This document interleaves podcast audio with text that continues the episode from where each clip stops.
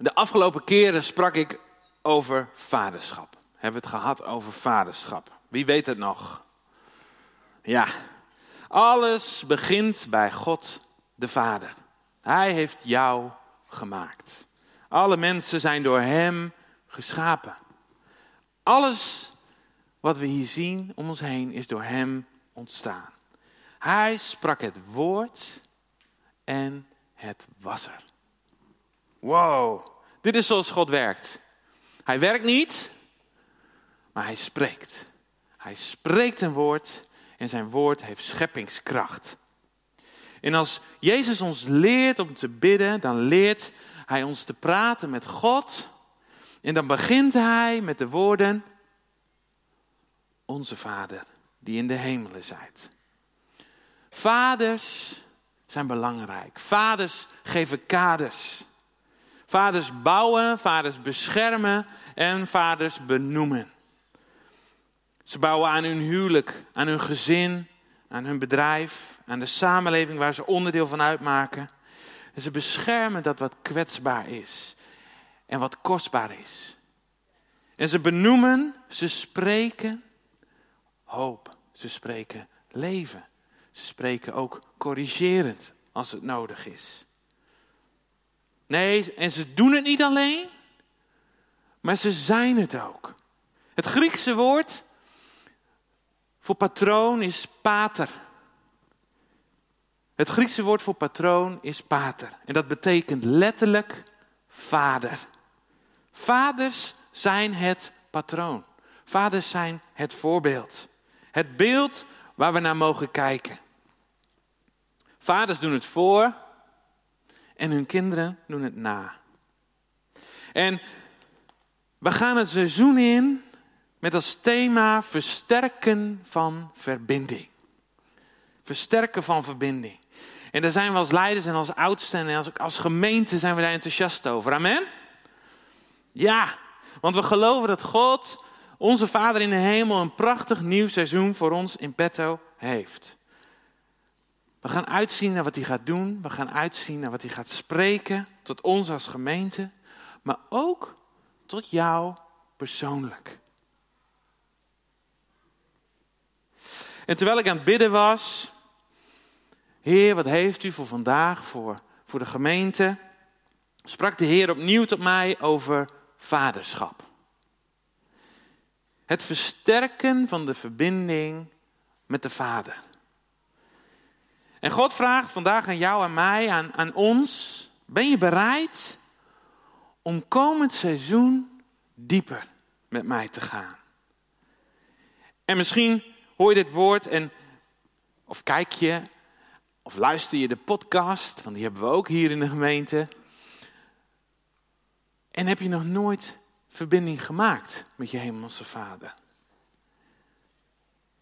Ja, dan is de uitnodiging van God voor jou vanmorgen. Wil je je verbinden met mij? Dan zegt God vanmorgen tegen jou: Wil je je verbinden met mij? En misschien wandel je al jaren met God. Dan nodigt jij jou vandaag uit om de verbinding die je met Hem hebt te versterken, te verdiepen en te vergroten. Om te ontdekken wat God voor ons heeft wil ik vandaag met jullie gaan kijken hoe God zich verbindt met jou. En ook hoe wij ons kunnen verbinden met Hem. En dat doet Hij op heel veel verschillende manieren. Heel veel. Maar de verbinding tussen God en jou begint allemaal bij Jezus. Vandaag gaan we kijken naar vier manieren waarop Gods verbondenheid zichtbaar wordt in ons leven. En er zijn veel meer.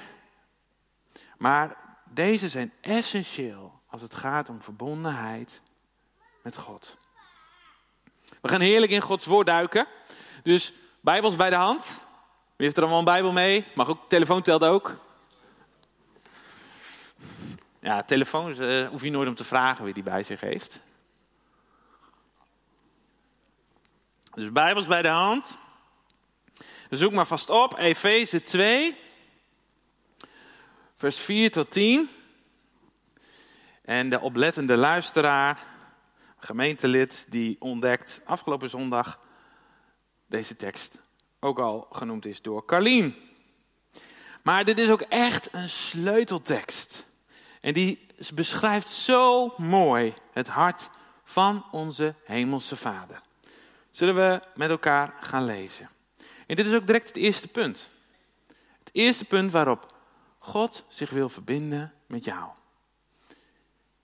En dat is genade en geloof. Efeze 2, vers 4, komt ie. Maar God, die rijk is in barmhartigheid, heeft ons door zijn grote liefde, waarmee hij ons liefgehad heeft, ook toen wij dood waren door de overtredingen, met Christus levend gemaakt.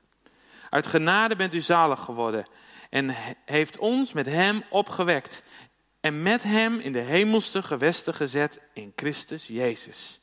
Opdat hij in de komende eeuwen de alles overtreffende rijkdom van zijn genade zou bewijzen door de goede tierenheid over ons in Christus Jezus. Want uit genade bent u zalig geworden door het geloof. En dat is niet uit u, het is de gave van God. Niet uitwerken, opdat niemand zou roemen. Want wij zijn zijn maaksel, geschapen in Christus Jezus om goede werken te doen. Die God van tevoren bereid heeft. Opdat wij daarin zouden wandelen. Oeh. Nou, dit zijn al twintig preken, misschien wel meer. Maar daar hebben we nu geen tijd voor. Verbinding met God de Vader is tot stand gekomen door Jezus. Door het geloof in Jezus en zijn werk aan het kruis is de verbinding tussen God en mens hersteld. En zelfs dat geloof is een gave van God. Hij heeft het in jou geplant als een zaadje. Eerst genade, dan geloof. En die genade is gegeven vanuit Gods liefde voor jou. Niet door wat je doet, of hoeveel je weet, of wat je allemaal zegt, is die verbinding hersteld, maar alleen doordat God, de Vader, zijn zoon Jezus heeft gegeven voor jou. En dat betekent dat alles wat je uit jezelf doet, of uit jezelf weet, of vanuit jezelf zegt, dat dat onvoldoende is om met God verbonden te kunnen zijn. Iedereen heeft de genade van Jezus nodig. Zonder Jezus is er geen verbinding met God mogelijk. Daarom hebben wij in onze gemeentevisie ook als allereerste staan gefundeerd in genade.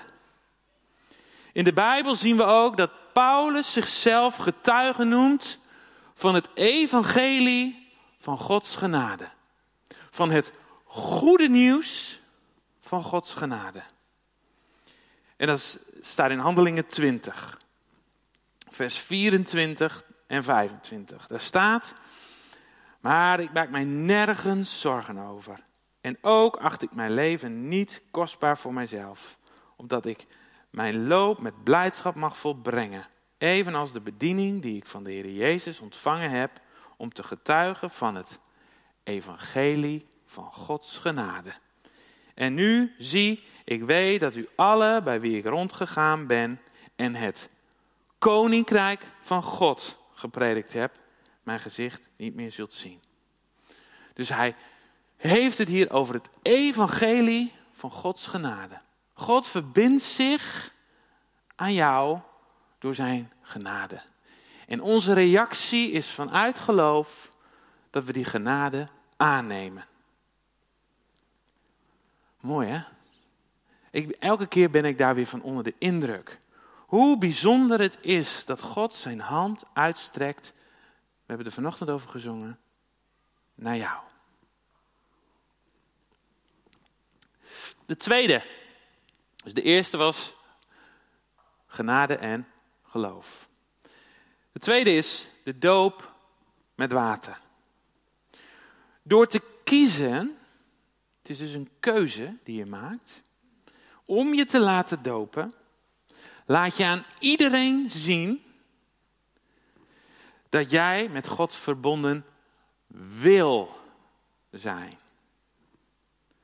Zoals Jezus het ons zelf voordeed toen hij zich liet dopen door Johannes de Doper. En dan kun je misschien afvragen, ja, was het dan nodig dat Jezus zich liet dopen? Was hij dan nog niet verbonden met zijn hemelse vader? Jawel, zonder twijfel. Maar Jezus kiest ervoor om zich te laten dopen, omdat zijn vader dit van hem vraagt om te doen. De doop is een wilsbesluit uit gehoorzaamheid. Je zegt door de doop, zeg je tegen God, ja, ik wil. Ik wil dit. Vader in hemel, ik ben gehoorzaam aan u. Laten we met elkaar lezen. Matthäus 3, vers 13 tot en met 17. Ik ga misschien wat snel. Ga ik te snel? Ben je goed te volgen? Oké.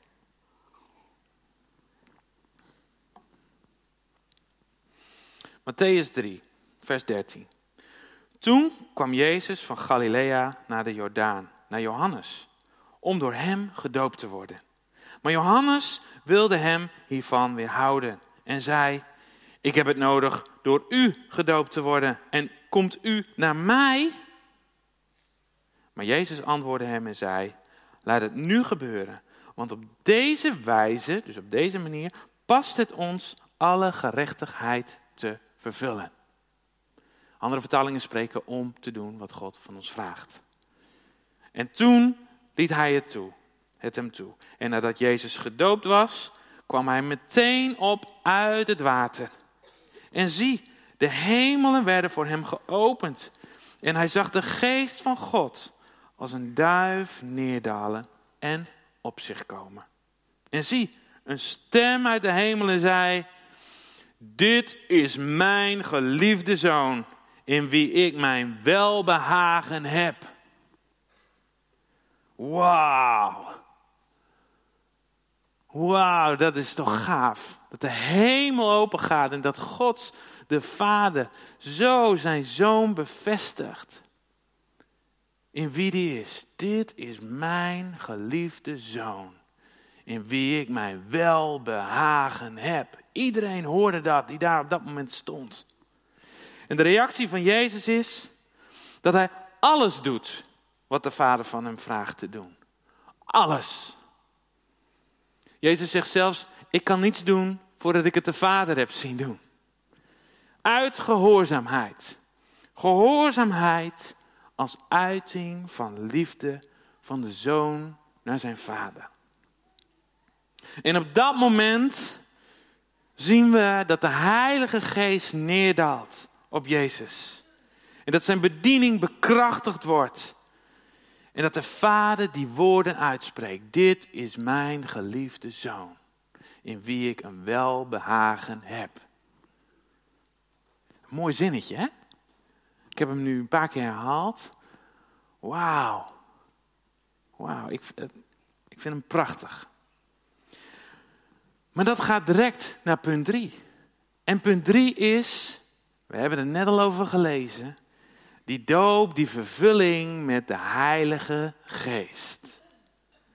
Door de doop in de Geest wordt onze geest tot leven gewekt en wordt Gods kracht werkzaam in ons. En je hoeft niet meer beheerst te worden door je eigen natuur. Nee, je wordt beheerst door de geest van God. Maar de Heilige Geest dringt zich nooit op. En tegelijkertijd wil de Heilige Geest, de levensadem van God, niets liever dan je elke dag opnieuw vervullen met zijn liefde. Met zijn vruchten. En ze, hij wil dat zijn vruchten zichtbaar worden door jou heen. Petrus, die dan in het huis van Cornelius ziet dat de Heilige Geest op alle mensen valt die daar zijn. En hij opeens zich de woorden van Jezus herinnert. Handelingen 11. En ik herinner me het woord van de Heere, zegt hij. Hoe hij zei, Johannes doopte wel met water, maar u zult met de Heilige Geest gedoopt worden. Wauw. De wet is vanaf nu geschreven in je hart.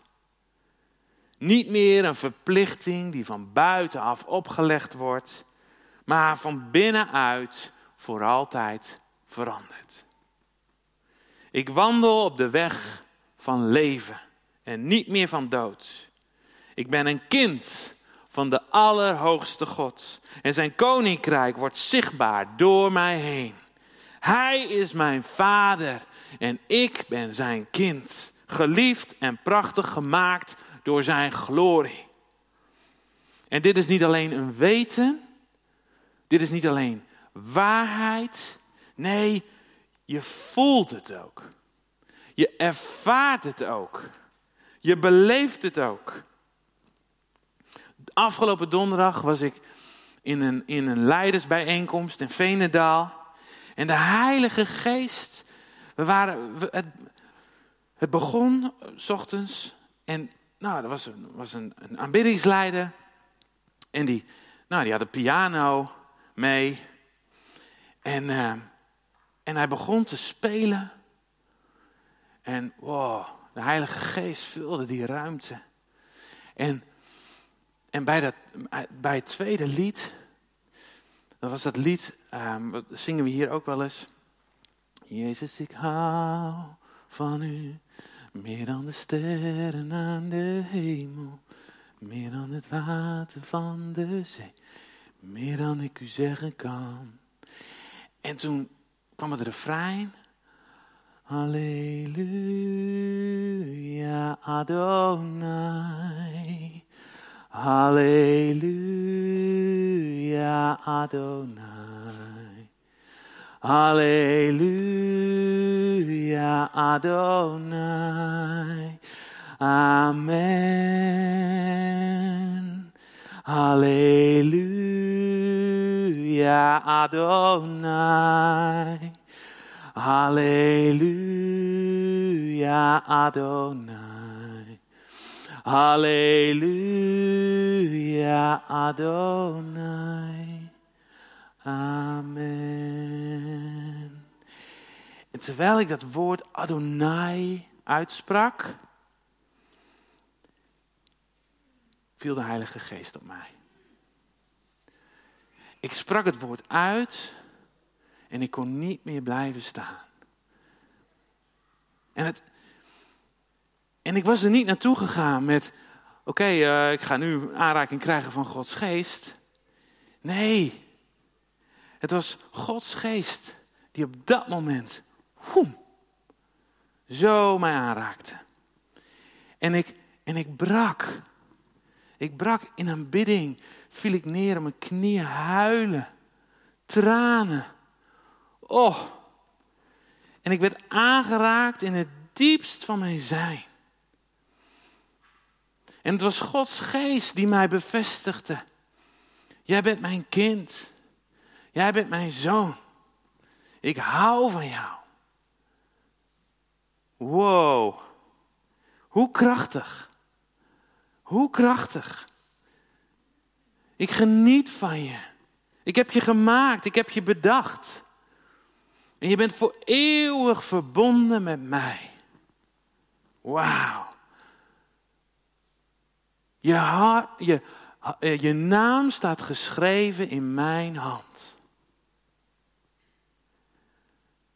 Dat is wat er gebeurde. En dat is het allerbelangrijkste. Dat je bent in de aanwezigheid van God. Dat je die aanraking krijgt van Gods geest. Dat je die bevestiging krijgt van Gods geest in jouw hart. Jij bent mijn zoon, jij bent mijn dochter, jij bent mijn kind. Dit is de plek waar je moet zijn. Aan mijn voeten. En dat brengt ons naar het vierde punt. Ik kan hier nog wel een half uur over doorgaan. Maar we gaan naar het vierde punt. Aanbidding en gebed.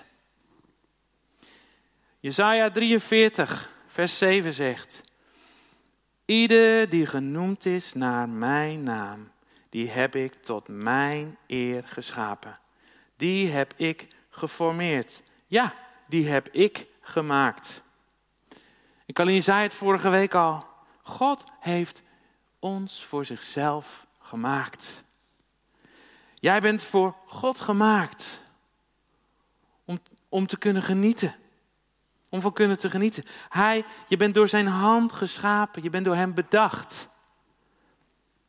Je ouders hebben je gekregen. Maar je bent en blijft een kind van God. En hij heeft een plan voor jouw leven. Een bestemming. Je bent hier vanochtend naartoe gekomen. Maar je bent hier niet zomaar. Dat je hier zit is niet toevallig. Dat je deze woorden hoort is niet toevallig. Het is onderdeel van Gods plan voor jouw leven. En dat doel is, het doel is wat jij hebt, is om Hem in alles te aanbidden. Met andere woorden, om in Zijn aanwezigheid te zijn. Om Zijn glorie te kunnen ervaren. Om Hem te eren en groot te maken in jouw leven. Door een leven te leiden wat volledig is toegewijd aan God. En aanbidding is niet alleen wat wij hier doen op zondagochtend, door de, de geestelijke liederen die we zingen, of als je thuis bent. Nee, aanbidding wordt zichtbaar in alles wat je doet. Als je ochtends opstaat, hoe je tegen je vrouw praat, hoe je tegen je man praat, op je werk, hoe je reageert op dat mailtje van die collega of van die klant. Is werk het belangrijkste voor je of neem je ook tijd om te rusten? Het wordt zichtbaar in je tienden en je offers. Geef je je grenzen aan of laat je anderen er voortdurend overheen gaan? En dit is alleen niet te doen. Dit is niet te doen. En daarom is er naast aanbidding ook zo belangrijk dat je bidt. Daarom is gebed zo belangrijk. Bidden is praten met God. Maar bidden is ook, en dat is misschien nog wel belangrijker, luisteren naar God. Want vaders en moeders vinden het belangrijk dat hun kinderen luisteren. We hebben het, we hebben hier in de gemeente hebben het vaak over een cultuur van eer. Dat is wel een bekende zin, die wordt hier wel vaak gezegd. We willen graag een cultuur van eer hier in de gemeente. En God zegt daarover in zijn woord: eer je vader en je moeder. En ik heb ontdekt dat hier een heel belangrijk principe van aanbidding in zit. Want, vraag, wat is je eerste rol als je op deze planeet komt? Wat is je eerste rol als je geboren wordt? Kind. Je eerste rol is je kindrol. Je wordt geboren en vanuit die rol ontstaan andere rollen. Je wordt uiteindelijk, eh, als je een beetje in de puberteit komt. Ja toch? Je komt in de puberteit en dan ga je steeds meer eigen keuzes maken. Je bent nog steeds kind van je ouders, maar je bent ook al bijna een beetje volwassen aan het worden. Nou, en op een gegeven moment nou, krijg je misschien een, een vriendje of een vriendinnetje. Nou, dan wordt opeens de rol echtgenoot wordt een beetje wakker gemaakt. En als je kinderen krijgt, dan wordt de rol vader of moeder wordt wakker gemaakt. Maar dat, die kindrol, dat is jouw eerste rol. En als kind is het superbelangrijk dat je naar je vader en je moeder luistert. De eerste waar je, waar je als kind mee te maken krijgt, zijn ook je ouders. Je vader en je moeder, zij voeden je op. En ze dragen zorg voor je. Ze leren je om op eigen benen te staan. En God wil dat je je ouders eert. En niet alleen om wat ze allemaal goed doen, nee, om wie ze zijn. Maar de realiteit is ook dat het hier heel vaak misgaat. Ja toch? Kinderen die op jonge leeftijd al te maken krijgen met verwonding door een vader of een moeder, waardoor ze het later moeilijk vinden om ook om te gaan met ja, andere vormen. Lastig vinden om met een werkgever om te gaan, of met een collega om te gaan, of nou ja, noem maar op. En ik heb ontdekt dat als je leert om je vader en moeder te eren, dat, je, dat het later in je leven ook makkelijker, makkelijker is om anderen te eren.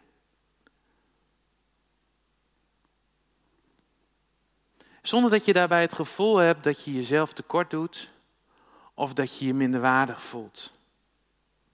Want dat principe van eren, dat geldt niet alleen maar voor het eren van, nou ja, laten we zeggen, omhoog, hè? je vader en je moeder. Maar dat eren, dat geldt ook opzij. Kijk eens naar om je heen, je broers en je zussen.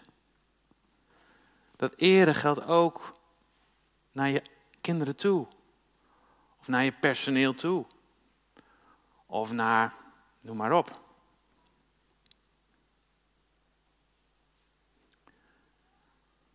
Maar ook het eren van jezelf is daar een belangrijk onderdeel van. Want zo leef je je leven zoals God het bedoeld heeft. Een leven vanuit eer. En je ziet dus wel dat eigenlijk je hele leven aanbidding is voor God.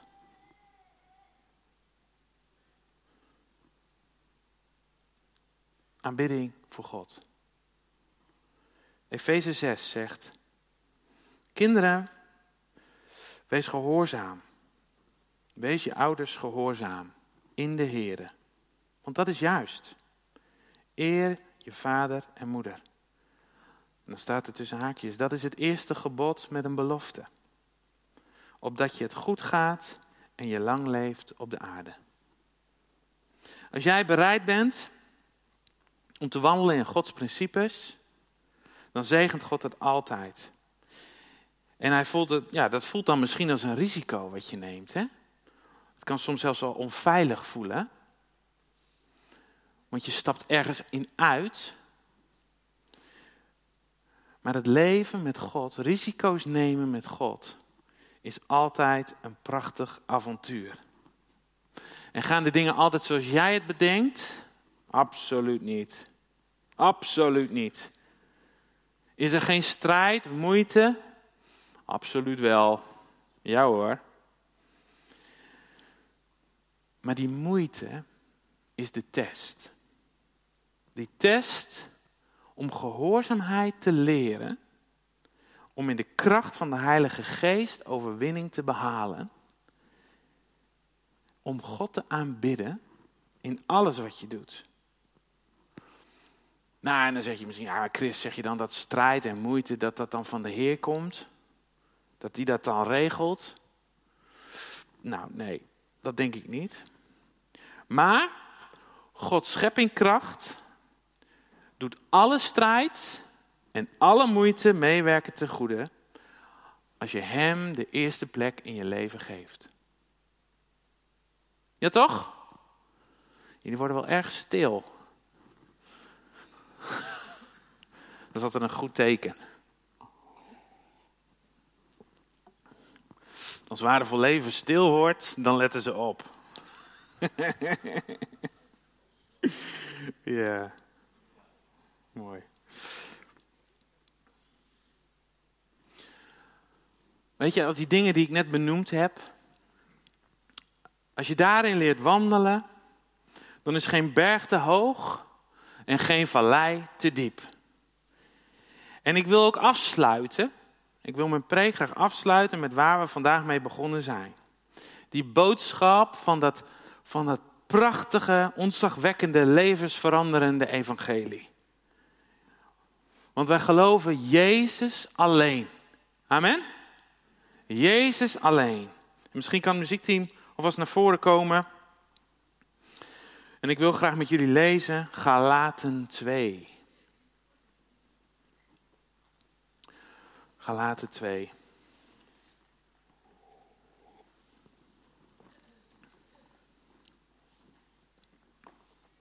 En dan vanaf vers 20.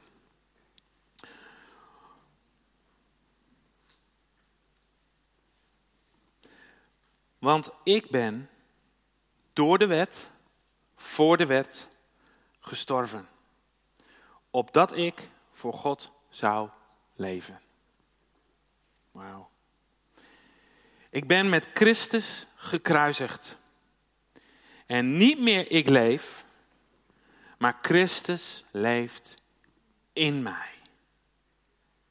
En voor zover ik nu in het vlees leef, leef ik door het geloof in de Zoon van God. Die mij heeft liefgehad en zichzelf voor mij heeft overgegeven. Ik doe de genade van God niet teniet. Want als er gerechtigheid door de wet zou zijn, dan was Christus te vergeefs gestorven. Ja. En de vraag voor vandaag is: hoe is het vandaag tussen jou en Jezus?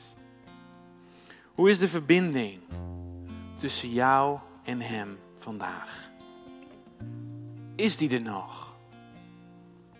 Sta je nog in vuur en vlam voor Hem? Of is dit een moment om je opnieuw toe te wijden? Om opnieuw tegen God te zeggen: Hier ben ik, Heer. Ik hou van U. Hier ben ik. Ik hou van U. U bent alles voor me. U weet het, u kent mijn hart. Maar toch wil ik het vandaag tegen u zeggen. Zullen we dat vandaag gewoon doen? Zullen we dat vandaag gewoon doen? Zullen we met elkaar gaan staan? Weet je, misschien zit je hier vanochtend en hoor je wat dingen aan. En misschien is er een van die vier onderdelen die ik net heb benoemd, waarvan jij denkt van, oh ja, maar daar heb ik misschien nog wel wat in te leren. En misschien als het gaat over het ontvangen van genade. Of het leven vanuit geloof. Of misschien zit je hier en ben je nog niet gedoopt. En denk je, ja, maar dit is mijn moment. Ik moet ervoor gaan. Of misschien vind je het lastig om te leven vanuit, een, vanuit, dat, vanuit dat hart van aanbidding naar God. Weet je, dan gaan we daar vanochtend gewoon voor bidden. We hebben hier een gebedsteam. En na de dienst wil ik je gewoon vragen om naar voren te komen. Als er iets is in jou wat nu op dit moment onrustig wordt, dat is vaak een teken dat de Heilige Geest aan het werk is. En dan wil ik je gewoon uitdagen. Wil ik je gewoon uitdagen om, om daar werk van te maken. Om aan de slag te gaan. Om de werkplaats van de Heer te bezoeken vandaag. Amen? Yes. Er staan straks biddens na de dienst. Die staan daar en daar. En dan kun je gewoon naartoe gaan. En dan kun je in het kort vertellen wat je bezighoudt. Waar je mee worstelt. Wat je lastig vindt. En dan gaan zij ervoor bidden. Yes. We, gaan, we staan met elkaar en we gaan zeggen tegen Jezus. Bidden jullie mee? Zullen we een houding van gebed aannemen? Onze handen open of vouwen. Heer, dank u wel voor uw genade en het geloof dat ik van u ontvangen heb. Ja, dank u wel, Heilige Geest, voor uw kracht en uw vuur. Dat u mij laat weten wie ik ben in Christus. Al mijn aanbidding is voor u. U bent zo perfect. We zongen het vanochtend. U bent zo prachtig. U bent zo heilig. Heer, ik hou van u. U bent alles voor me. U bent Adonai. Ik ben voor de wet gestorven, zodat ik voor u zou leven. Ik ben met u gekruisigd en nu leeft u in mij. En ik leef vanuit geloof en niet vanuit twijfel of angst. Ik leef vanuit liefde. Ik leef vanuit hoop en niet vanuit hopeloosheid. In Jezus' naam. Amen, amen, amen. Yes.